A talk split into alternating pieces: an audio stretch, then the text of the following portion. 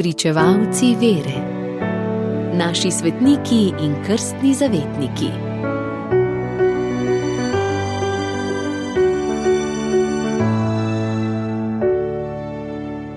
Danes zgoduje Katarina Tekakvita, indijanska spokornica iz 17. stoletja. Prva svetnica iz vrst ameriških indijancev, med katerimi je 37 let kot misionar deloval naš svetniški kandidat Škof Friderik Baraga. On je misionaril med dvema sorodnima rodovama, ki sodita k jezikovni skupini Algonkinov, medotavci in očipvejci. Prvi so indijancem oznanjali evangelij francoski jezuiti v 17. stoletju, torej v času naše svetnice, ki se je rodila leta 1656 v kraju Ozernon, današnji Oyersville v ameriški zvezdni državi New York. Oče iz rodu Mohavkov je bil vaški poglavar in pogan, mati Algonkinka pa kristjanka. V domači vasi, odkuder je bila ugrabljena, je prejela krst po rokah francoskega misionarja, svoji veri pa ostala zvesta, zaradi moževega sovraštva do črnih sukanj, misionarjev, ni smela omogočiti krsta svojim otrokom. Ko je bila tekakvita stara štiri leta, je v epidemiji kuge izgubila starša in mlajšega brata. Tekakvita je ostala pri življenju, vendar je kužna bolezen zaznamovala njen obraz z brazgotinami. Siroto je vzel k sebi stric, pri katerem se je zgodaj navadila vsakdanjih opravil. Življeni pisci poročajo, da je bila tiha, najraje sama. Rada je pela preproste verske pesmi, ki jih je bila slišala od svoje matere. Njena duša je bila po naravi krščanska in iskala je nekaj, česar še ni razumela. Božja milost jo je vodila po skrivnostni poti do vseh kreposti, zlasti do tiste, ki je indijancem najbolj neznana devištva. Ko so sorodniki iskali za njo primernega ženina, se je v molitvi obrnila k Bogu, ki ga je častila, čeprav ga še ni spoznala. Moj Bog, reši me pred tistim, ki bi hotel, da postanem njegova žena. Sprejmi ti čisto lilijo mojega devištva.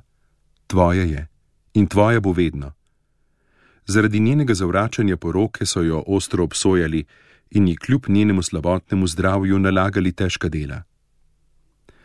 Tedaj so v bližnje naselje prišli novi francoski jezuitski misionarji. Eden od njih, pater Jacques Lamberville, je nekega dne prišel v vas, katere poglavar je bil tekakvitin stric.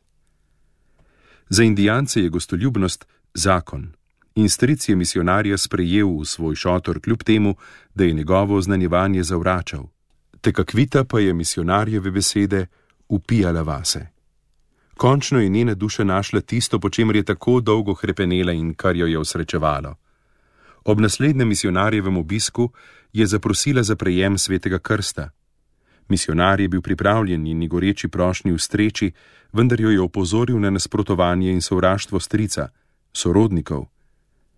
Tekakvita je ustrajala in na veliko noč, 16. aprila 1676, je prejela sveti krst in dobila ime Katarina ali Kateri v indijanskem jeziku. Tisto, kar je napovedal misionar, se je res zgodilo. Mlada kristjanka se je znašla v tako težkem položaju, da ni bilo druge rešitve kot beg iz vasi. Zatekla se je v misijon svetega Frančiška Ksaverija v vasi Salt St. Louis, nedaleč od današnjega Montreala. Tam je poglobila svoje versko znanje, na božični praznik pa prejela prvo sveto obhajilo jokala je od veselja.